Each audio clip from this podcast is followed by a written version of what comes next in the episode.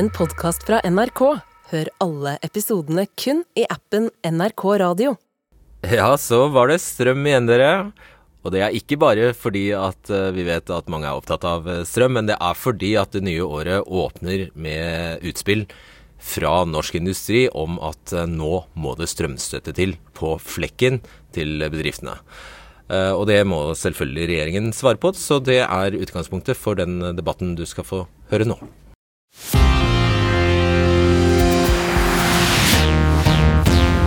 Hør på dette.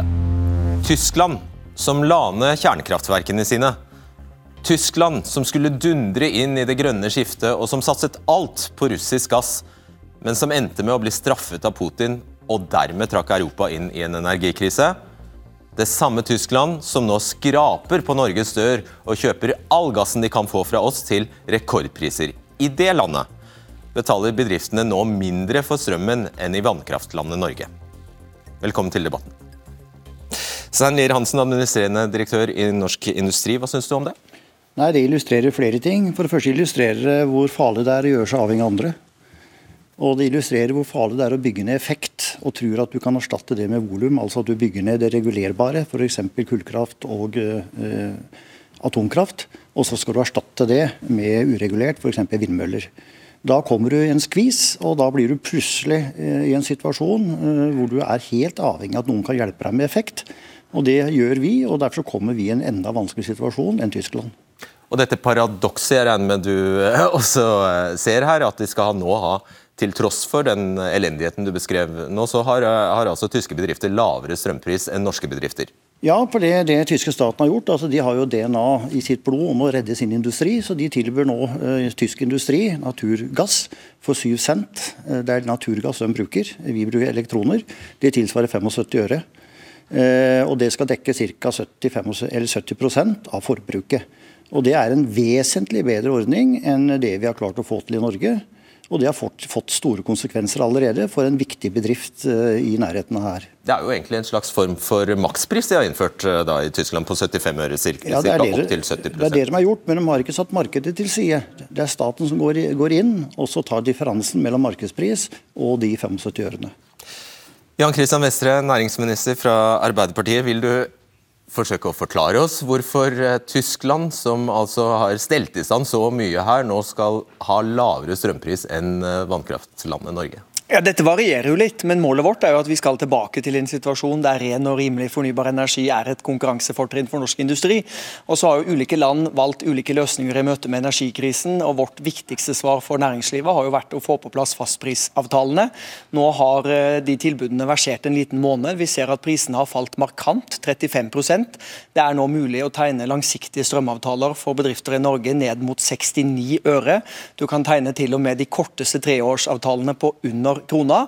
Og da er vi egentlig på vilkår som er bedre enn det tysk industri får med de støtteordningene som norsk industri nå ønsker seg. Og Derfor så må vi ha litt stamina og se på at dette markedet nå kommer i gang. Og på den måten bidrar til forutsigbarhet for bedriftene, og ikke kortsiktige løsninger som egentlig ikke gjør noe med problemet. Du har bidratt med kunst til oss eh, her i kveld, Jan Christian Vestre. Dette er, dette er hva er det, Excel og PowerPoint-ferdighetene dine vi ser her? Ja, det er det, og dette viser jo Så Vi tar det litt saktere. Den, den, den regla du hadde nå, hva er det vi ser her? Ja, Dette er utviklingen av fastprisene i eh, Sørøst-Norge de siste fire ukene. Og Her ser dere jo at eh, treårskontraktene har falt 35% i pris. De er nå til salgs for 99 øre. Femårskontraktene har falt 24% i pris. De selges nå til 79 øre.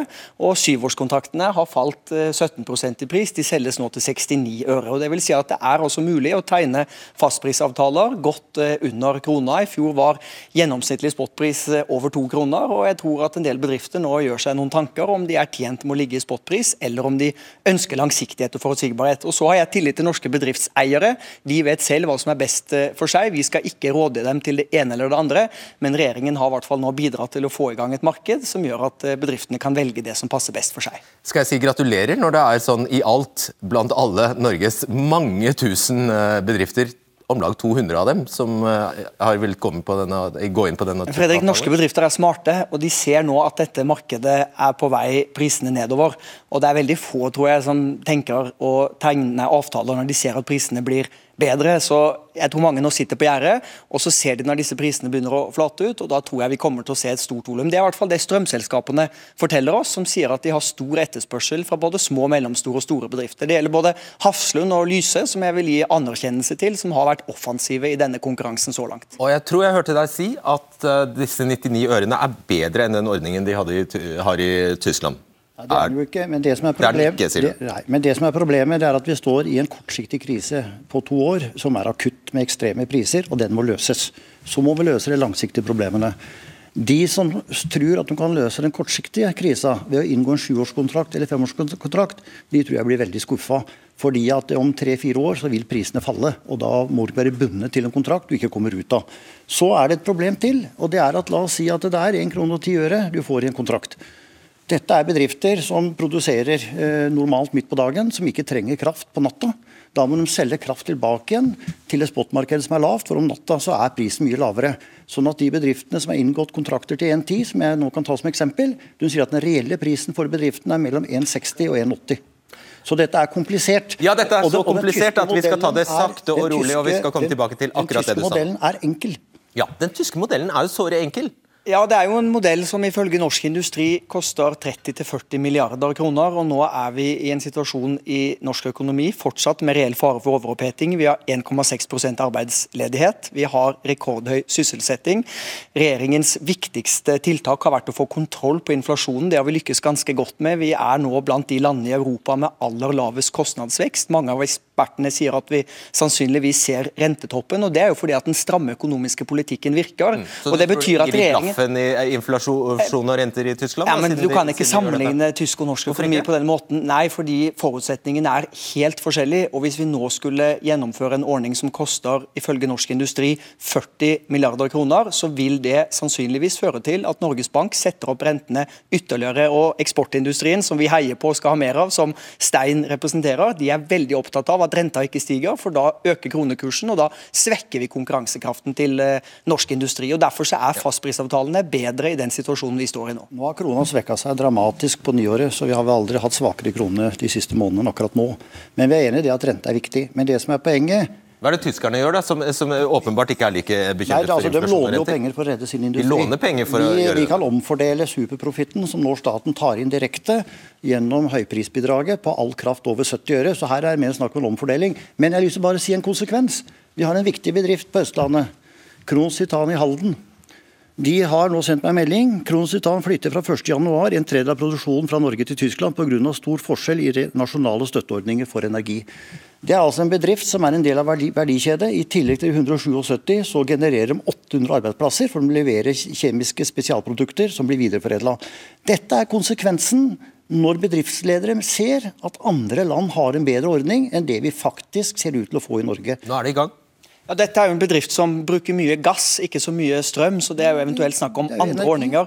Men Stein, du vet at vi har ingen viktigere oppgave enn å trygge norske arbeidsplasser og norsk næringsliv og norsk industri. Det vi er bekymret for, er at vi gjennomfører tiltak som kanskje virker fornuftig på kort sikt, men som bidrar til å skape større problemer på lang sikt. Og Hvis vi nå ikke får kontroll på inflasjonen, hvis vi ikke får kontroll på renteøkningene, så er det mye verre for norsk næringsliv enn de strømprisene vi opplever nå. Og Derfor Derfor så kan vi ikke i den situasjonen øke den offentlige pengebruken. Det er derfor vi har redusert oljepengebruken med 18 milliarder kroner og jobbet intenst med å få i gang fastprismarkedet, der bedrifter nå kan tegne avtaler ned mot 69 øre. Skjønner du ikke det? Jeg er helt enig i at en skal være forsiktig med å bruke oljepenger og hive inn. Det er friske penger du hiver inn i økonomien.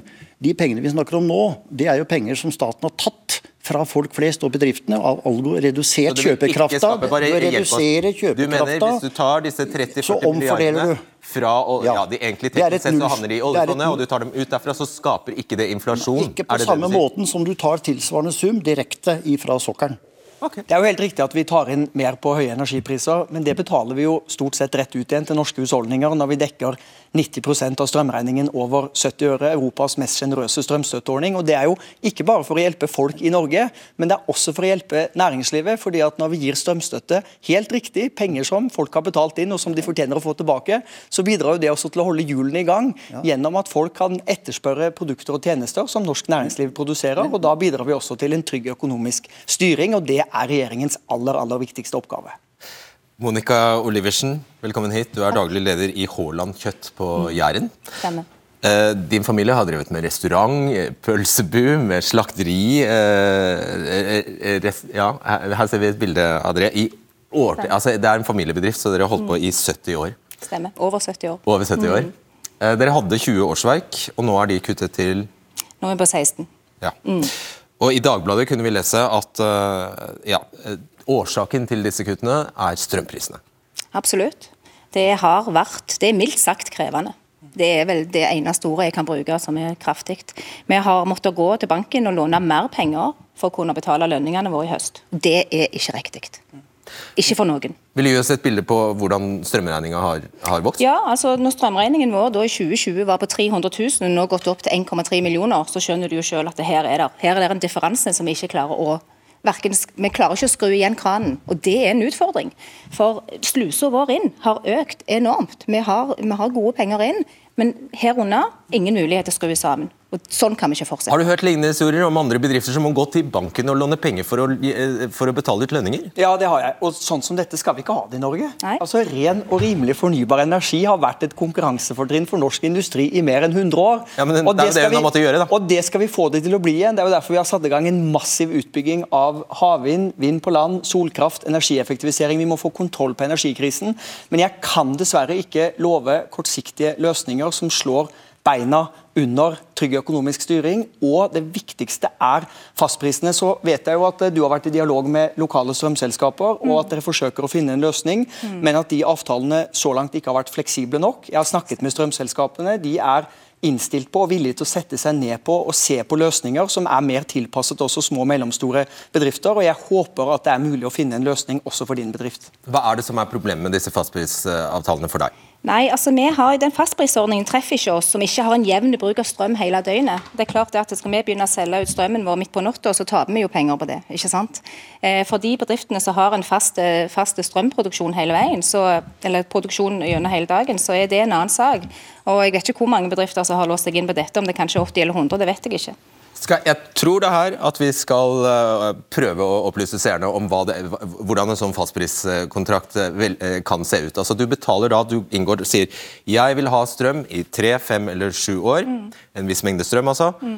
Og jeg forplikter meg til å betale den samme prisen hvert døgn hele døgnet. Stemmer det. Og det betyr at Hvis du for nå hadde inngått en treårskontrakt, så måtte du ha betalt de 99 ørene både dag og natt. Stemmer. Men så bruker jo du strøm stort sett på dagen, antagelig. Stemmer. Produksjon. Og på natta, hva er det som skjer da?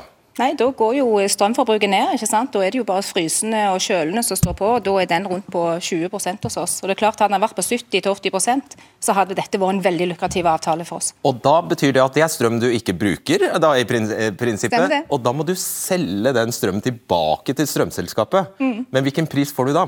Det er jeg usikker på. Ja, du får i hvert fall mye de- mindre. Mye mindre, Mye mindre helt pris. sikkert, enn de Ja. Mm. Vi skal komme enda nærmere inn på dette senere, men frykten din da er at da går du plutselig med tap. Veldig. Fordi alternativet var at du kunne ha kjøpt, ja, dyrt sikkert, men Ja. du kunne ha kjøpt strøm til spotpris. Mm, stemmer det. Ok, henger vi med? Forhåpentligvis. Hva er da det, det, Løsningen din sånn umiddelbart ble altså å gå til banken, men det kan du vel ikke fortsette med? Nei, det kan vi jo ikke fortsette med. Det er jo en utfordring. Eh, Og det er ikke bare utfordring for oss, men det er òg utfordring for alle de andre 30 slakterbutikkene som er igjen i Norge av de 400 som har vært. Altså, regjeringen er nødt for å komme med en kompensasjon.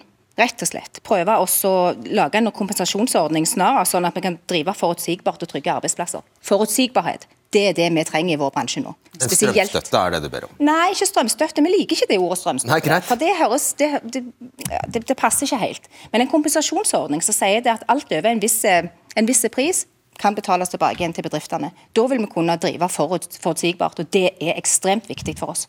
Jeg regner med du husholderer godt. Altså, økte eh, energikostnader er vel noe en bedriftseier også må ta høyde for? Absolutt. Altså Bedriftseiere tar jo risiko hver eneste dag. Men akkurat nå, med den situasjonen vi har nå, så har risikoen aldri vært høyere. Vi kan ikke strupe igjen det som går ut i bånn. Det kunne vi med korona. Vi kunne gjøre veldig mye med korona. Det kom raske ordninger på plass som faktisk nytter for oss å være bedriftseiere. Det har vi ingenting av nå. Null. Da skal jeg henvende meg til eh, Jeg sier tusen takk for at du tok turen, og lykke til. Takk. skal jeg henvende meg til deg, Nikolai Astrup, stortingsrepresentant for uh, Høyre. For helt inntil, hvis jeg, har, hvis jeg har fulgt med i svingene her, helt inntil søndag så hørte jeg Høyre og Erna Solberg si vi ønsker fastprisavtalen. Vi håper de fungerer.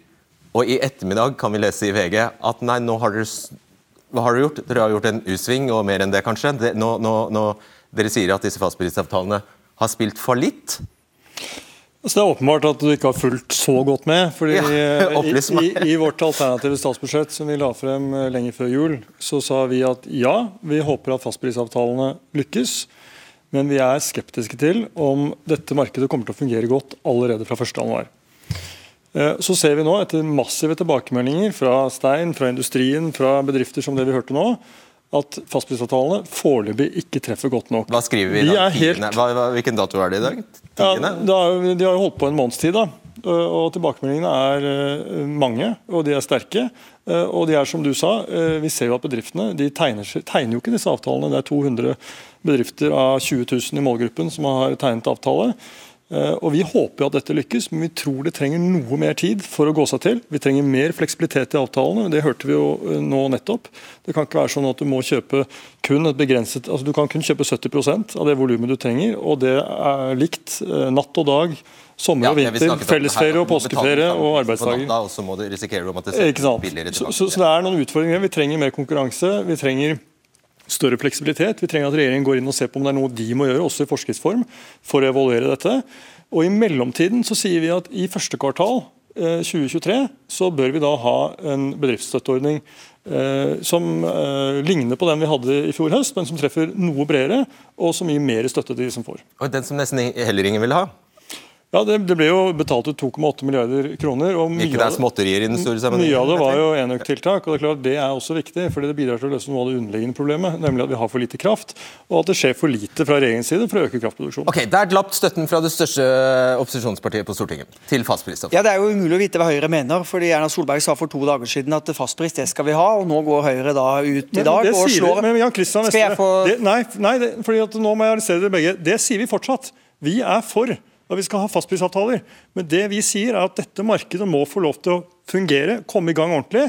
Det har de ikke gjort. Det treffer ikke bedriftenes behov. Tilbakemeldingen er mange. Derfor, i en overgangsperiode, ja, så må vi ha en bedriftsstøtteordning. Ja. Så det er ikke slik at Vi er mot fastprisavtaler, det har aldri vært, men vi gjorde en avsetning for dette allerede i vårt alternative budsjett. Vi brukte over 5 milliarder kroner mindre i oljepenger enn regjeringen, nettopp for å ha en buffer til å kunne stille opp for bedriftene i den ekstremt krevende tiden. Du hadde en plan om at dette skulle skje?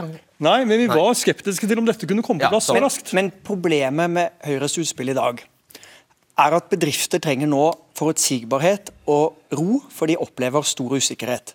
Så har det vært et felles mål at vi skal få på plass fastprismarkedet. Vi er nå på oppløpssiden, hvor prisene har falt dramatisk, og hvor vilkårene blir bedre. Akkurat den dagen hvor vi ser at de korteste kontraktene på tre år faller under krona, da syns Høyre det er lurt å gå rundt og, og, og finne på nye krumspring og hopp og sprett og nye forslag, istedenfor å ha klart for seg hva de skal gjøre. Og så er det ikke riktig, Nå har jeg ringt før sendingen til kraftprodusentene.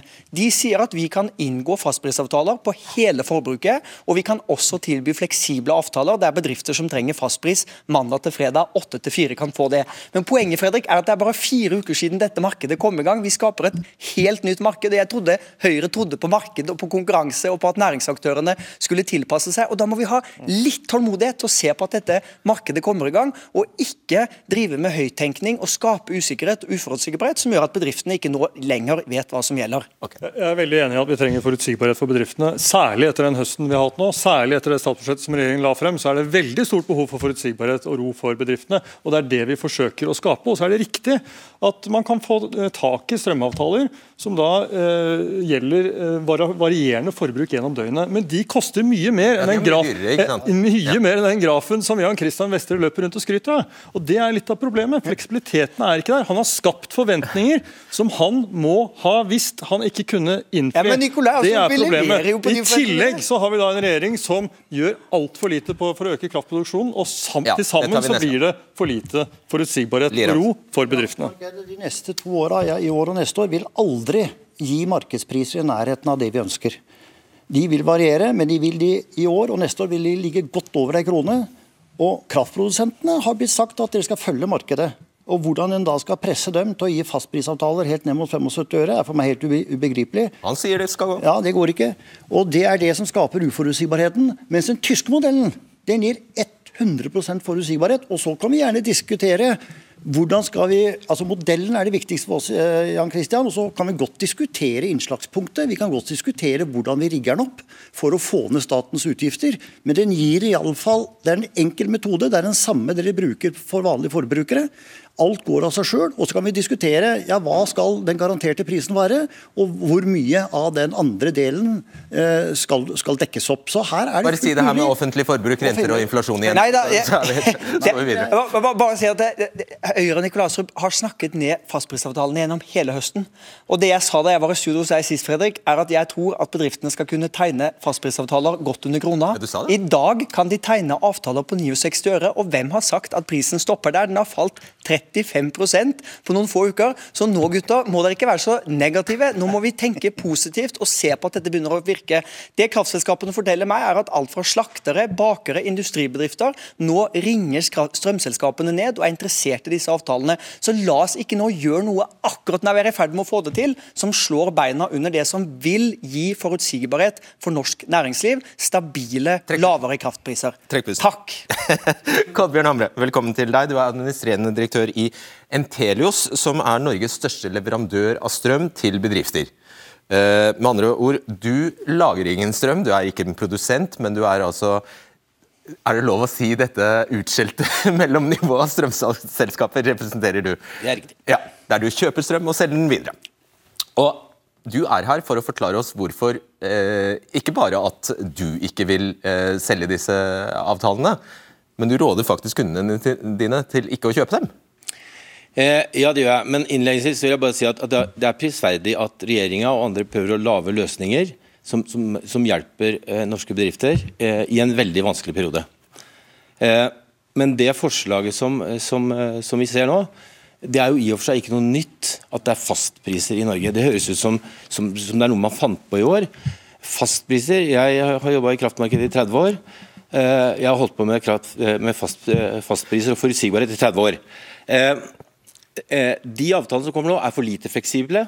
Ja, det, da handler det om det vi snakket om i sted, at du må betale samme pris hele døgnet, og så risikere å selge til, måtte selge tilbake den strømmen du ikke bruker, til en mye lavere pris. Ja, Hvis spotprisen da er lavere enn den prisen du har kjøpt for, eh, som, som er naturlig kanskje på natta, så får du altså et, et, tap i begge ender på den kontrakten. Så hvis du så kjøper for 99 øre, bare for, eh, vi må ta det litt hvis du kjøper, I kontrakten står det jeg forplikter meg til å kjøpe hver kilowattime til 99 øre. Hva skjer på natten? Hvor, hvor, lav pris kan du være nødt til å selge igjen? Nei, Den prisen har historisk også vært helt ned mot null. Eh, eh, vi har gjort i hvert fall beregninger ut fra historiske data. og, og Hvis du inngår en såkalt fastprisavtale som en bedrift tror han skal betale eh, 98 øre for, den kan fort koste 1 krone 80 øre. Oh ja, og Det er vårt ansvar å fortelle markedet at fastpris er ikke fastpris. Derfor så har vi aldri altså, eh, jobba med fastpris som begrep i bedriftsmarkedet. Det gjør man i eh, husholdningsmarkedet. Men i bedriftsmarkedet snakker man om forutsigbarhet. Fordi at man, man sikrer eh, altså, et fast volum og må balansere det ut. Og, nå forteller Vestre om en, stort, en, stor pågang. Han får mange telefoner fra, fra de som vil ha fastprisavtaler. Er det din erfaring òg? Nei, altså Vi har 7000 bedriftskunder hos oss.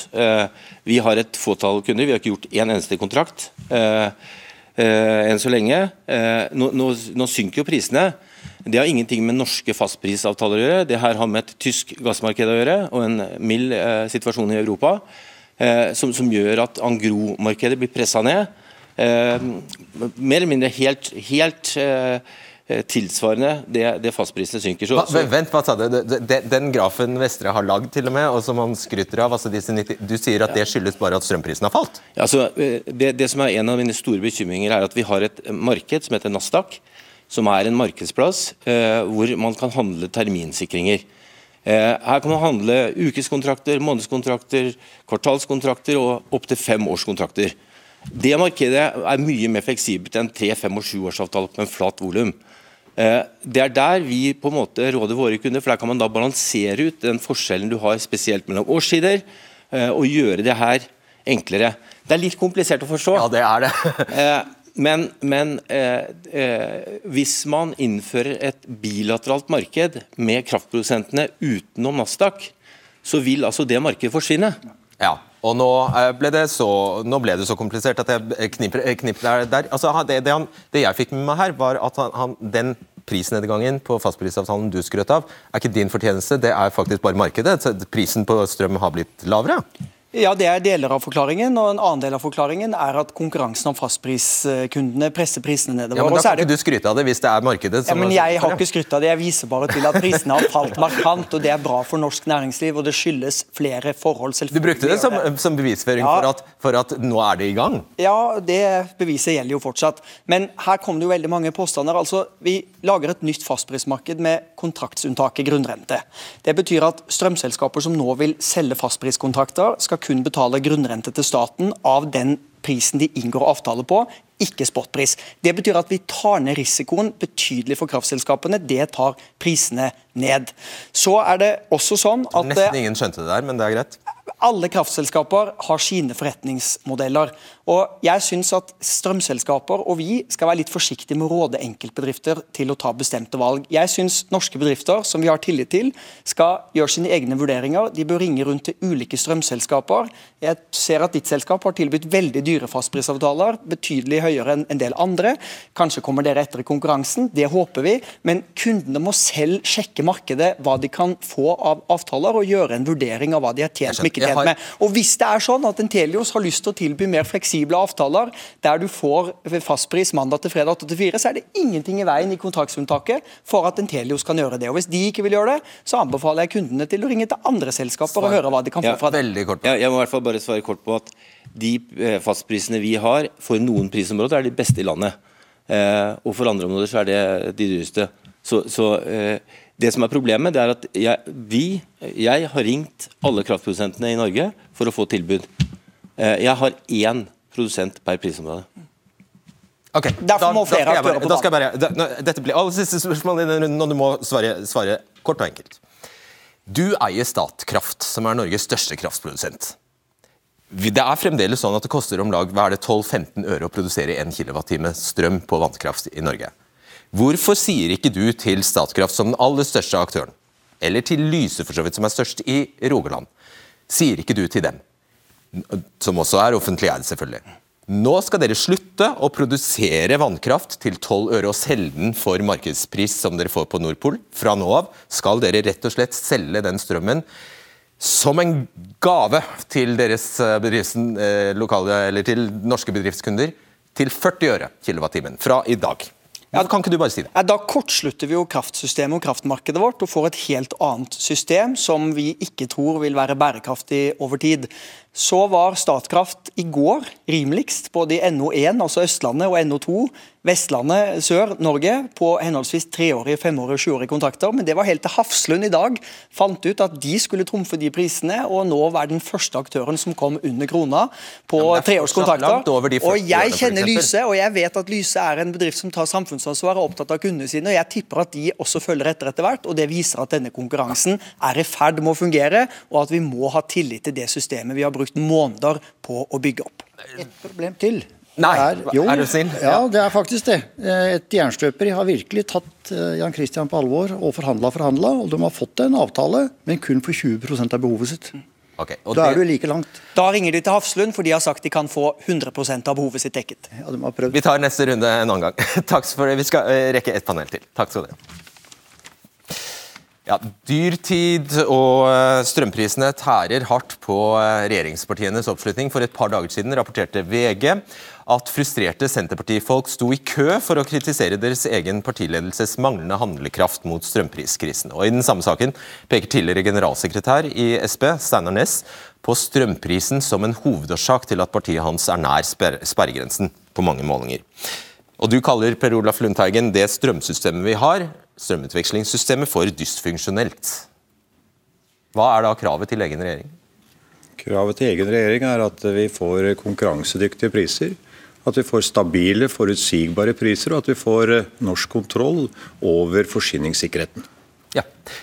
Det regner jeg med du også ønsket, statssekretær Elisabeth Sæther i Olje- og energidepartementet? Ja, få ting mer enn noen andre som ønsker å få rimelige prisene tilbake igjen. og Da vet vi at på kort sikt så er det nettopp den omfordelingen mellom de inntektene vi har fra kraftsektoren over til folk, sånn at de får betalt større deler av strømregningene sine gjennom hjelp fra staten, som må være svaret. Men på lang sikt så er det ingen tvil om, og da tror jeg Per Olaf er enig i, at vi må ha mer kraft inn i systemet vårt. Vi må ha mer nett, og vi må ha mer effektiv bruk av energi. Altså, Vi har ikke lenger noe norsk eller nordisk strømmarked. Vi har et nordeuropeisk strømmarked. Og det er eh, styrt da etter noen helt primitive markedsøkonomiske prinsipper, nemlig tilbud og etterspørsel. Og det er sånn at Dersom prisen i Tyskland er høyere enn prisen i Norge, så går strømmen fra Norge til Tyskland. Ja, sånn er det. Sånn er det, og det fører oss opp i den situasjonen vi er i. Og nå har regjeringa snudd alle steiner. De har snudd alle steiner og forsøkt å få orden på dette, sånn, og har ikke lykkes med det. Og da er vi nødt til å gjøre det annerledes. Ja, og bare forklare oss, hva, hva den, hva det, Står det øverst på din liste, i og med at du, du ikke vil ha det sånn at strømmen, strømmen går dit prisen er høyest? Dette er krevende, men det som er løsningen, det er at eh, vi må ivareta både priser og forsyningssikkerhet samtidig. Når våre vannmagasiner er fulle, da har vi stor tilgang på strøm, og det presser prisene ned. Men når vannmagasinene er lave, så blir det liten tilgang. Og når vi da samtidig skal drive med eksport, så vil jo det presse prisene ytterligere opp, og vi får dagens situasjon. Derfor må vi få et system hvor Statnett får en beskjed fra regjeringa at når vannmagasinene våre er under median oppfylt, så skal ikke eksporten være større enn importen. Altså vi skal få kraftutveksling, ikke krafteksport. Og det er jo hele konsesjonsvilkåra for likestrømskablene til utlandet. Så vi er helt i tråd med intensjonen med kablene. Ja, Vi er helt enige om hvor vi ønsker å være. Sterk forsyningssikkerhet, hvilket vi heldigvis som et av få land nå har. Men Og vær så snill, bruk tiden på det dere er uenige om, Og rimelige er priser. Der vi skiller lag, det er at Per Olaf peker på et par veldig enkle løsninger. Eh, hvis vi, sånn som du sier, i praksis avslutter det energisamarbeidet som vi har med Europa, så vil det skje to ting som jeg mener det er sterk grunn til å være bekymra for. Det ene er at skal vi bare eksportere når vi ønsker det, ja, så tror jeg vi bare får import når nabolandene ønsker det. Vi har et kraftsystem som du sier selv, som er væravhengig. Noen ganger så trenger vi import for å ha effektbalanse. Statnett peker på at de gangene dessverre kommer til å bli oftere og oftere i tida framover. Den andre tingen som jeg mener er verdt å merke seg, det er at vi, når vi lytta på den forrige debatten, så var det ett ord som gikk igjen.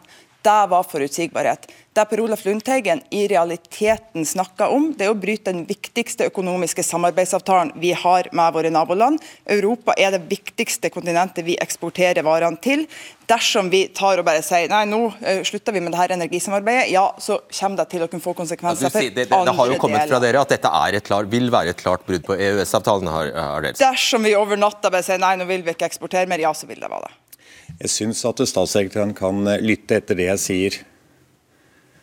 Vi har eh, gitt konsesjoner på likestrømskablene til utlandet for at det skal være kraftutveksling. Ikke, vi har ikke bindt oss til å eksportere så og så mye strøm. Det skal være kraftutveksling i begge retninger. Og når våres unike kraftsystem, som er basert på vannkraftmagasiner i fjellet, når de magasinene går nedover og nedover og nedover, som følge av at vi har en stor eksport, så presser jo det selvsagt prisene oppover, med de problemene det har, pluss at det ødelegger forsyningssikkerheten. Hvis ikke dette skal være en framtidig løsning, så veit ikke jeg. For dette her er jo i alle lands interesser. Europa er jo opptatt av at Norge skal ha effekt. Altså skal kunne kjøre på med strøm når det ikke blåser i Europa. Og Da kan ikke vi kjøre magasinene våre helt i bånn. Dette her er jo ren sunn fornuft, det jeg prøver å si. Og at regjeringa ikke greier å ta tak i det der sånn, det er jo et av de store problemene. Dere har jo full støtte fra Høyre på det samme. Høyre vil jo ha enda mer av dette her sånn. Så det er nå den eh, saken eh, Høyre skulle stått her nå. Men altså at ikke regjeringa, som er opptatt av at vi skal beholde konkurransefortrinnet og ha stabilitet i det, samtidig som vi skal ha et marked. Vi har skjønt det. Jeg syns du trekker deg altfor langt. Hvis Hva for langt? Hvis du ser på hva bedriftene sjøl sier, store aktører som Hydro, som Yara, som Equinor, så er det nettopp at de ønsker fortsatt kraftutveksling for å kunne sikre at vi Ja, har det er jo det jeg kraften som sier. trenger, Vi skal ha kraftutveksling. har-. Yes, Men det vi kan være enige om, vi samarbeider jo tross alt, det er at vi har et marked som jo er moden for reform. Det har heldigvis EU skjønt, det er jeg glad for. Og vi setter òg et arbeid i gang EU skjønner at det er moden for reform, men vi sjøl er ikke villige til å reformere et system. EU Der knytter jeg deg, Lundteigen får vi bare rekke å få inn Arnt Abrahamsen her, så du må være høflig overfor ham. Det, du er ordfører i Farsund for Arbeiderpartiet. Jeg startet jo denne bolken her med å beskrive det, det vi har lest i, i media, at det ulmer litt på, på grasrotplan i begge partiene, regjeringspartiene. Hvordan er situasjonen i din kommune når det gjelder Evje sentrum? Jo, Det er ikke tvil om det at eh, det er ulme det er både i min kommune, i mine bedrifter og, og også i landet for øvrig. Og, og det er klart Når jeg sitter og hører på debatten nå her, så, så, så er det klart at uh, Lundteigen peker på en del ting som uh, jeg personlig er veldig så enig i. Og det er klart at dette med å, å sikre eh, leve- leveringsdyktigheten, for å sikre beredskapen vår, må være viktig. Og, og, og dette med også å kunne få dette kortsiktige løsningene er viktig. Og det må jo være sånn at bedriftene nå føler at eh, det skal ikke være nødvendig at bedriftene skal gå i banken og, og, og, og måtte ta lån for å kunne holde hjulene i gang. Men må- eh, bedriftene, det det er ulmer kraftig ute hos Og jeg vet Og- Det finnes en stor og viktig hjørnestensbedrift i akkurat eh, din kommune som, som krever masse, som trenger mye energi. Hva er det? Ja, vi har Alcoa Aluminium på lista, som eh, pga. kraftprisene i eh, andre halvdel av fjoråret måtte gå til det drastiske skritt å redusere eh, produksjonen med ca. 30-35% Og når vi vet at prosessindustrien som må redusere, eh, det er veldig tunge prosesser som det tar månedsvis å komme opp igjen, så er det veldig bekymringsfullt. og i neste omgang så ser vi det at utenlandske eier som er utsatt for det her, de, de tør ikke å satse i Norge rett og slett lenger. Arnt Abrahamsen, hva eh, ber du eller krever du av egen regjering? Ja, jeg mener at vi må få på plass eh, altså Fastprisavtalen som kom nå i begynnelsen av desember, var et greit steg. Det kom seint, men jeg har tro på at det skal gå seg til. Og jeg har tro på at det skal bli bra. Men vi må handle. Vi må være mer handlekraftige. Vi må slutte å prate og følge utviklinga. Vi må rett og slett eh, få ting til på plass, sånn at vi nå ser at bedriftene våre overlever. Ja, Takk skal du ha, og Elisabeth Sæther. Jeg, jeg mente og hørte, selv om du ikke sa det eh, rett ut i sted, så sa du at dette er jo prekært. Det er veldig, ikke bare for bedriftene og husholdningene, og sånt, men det, jeg regner med også som partimedlem og som statssekretær i et regjeringsparti, så ser du jo denne svinnende oppslutningen og, og ser jo at dere må gjøre noe. Eh, Det er klart at det her er det er en veldig alvorlig situasjon. Det er flere ting som skjer på en gang. Da Det å både sikre at vi gjør de viktigste tingene på kort sikt som vi kan gjøre, strømstøtteordninga har jeg nevnt. Jeg har lyst til å understreke, selv om Lundteigen kanskje ikke er enig, vi har gjort mye for å sikre forsyningssikkerheten i Norge. Mange naboland rundt oss må rasjonere. Der slipper vi fordi vi har tatt grep. Og så tror jeg at på mellomlang og lang sikt så vet vi at det er bare mer kraft, mer nett mer enøk som fungerer. Likevel så eh, er helt sikker på at, eh, som eh, ordføreren i Farsund er inne på, de løsningene vi gjør, de må være sikre på står seg. Og gjør vi sånn som Per Olef ønsker, enkle løsninger, kutt samarbeidet med Europa, ja, så vil bedrifter som Alcoa på lista slite, for da har vi ikke eh, tilgang til de viktige eksportmarkedene som Europa er for oss. Så vi er nødt til å gjøre kloke ting for å løse krisen, ikke ting som gjør det Jeg verre. syns det er ganske sterkt at du nok en gang nå gjentar feilaktige påstander. Jeg har ikke sagt at vi skal kutte forbindelsene til Europa. Jeg har sagt at de kablene som er, de skal brukes etter intensjonen, nemlig som kraftutveksling. Og når norske vannmagasiner er på median eller lavere, så skal vi ikke eksportere mer enn vi importerer. Det er standpunktet. Det vil senke prisene, det vil senke vannverdiene i fjellet, og dermed så er det til alles fordel. Det er, ikke riktig, og det du snakker Er om, det er å bryte eh, Ja vel, Hvis det er sånn at det jeg nå sier bryter samarbeidet, så er det, innebærer det at dere bryter Hurdalserklæringa, og det er meget alvorlig. Oi, ok. Vi er der. Greit. Eh, takk eh, Senterpartiet og Arbeiderpartiet, og takk for at du så debatten. Vi er tilbake torsdag.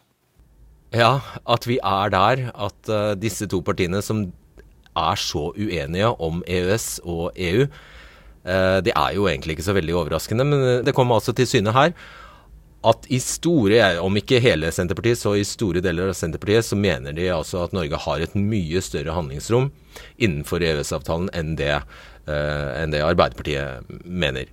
Og som vi hører Lundteigen si, om det ikke er sånn, så er det brudd med Hurdalsplattformen. Så ja, hva skal vi si på godt norsk? To be continued, tror jeg bare er riktig å si. Du har hørt en podkast fra NRK. Hør alle episodene kun i appen NRK Radio.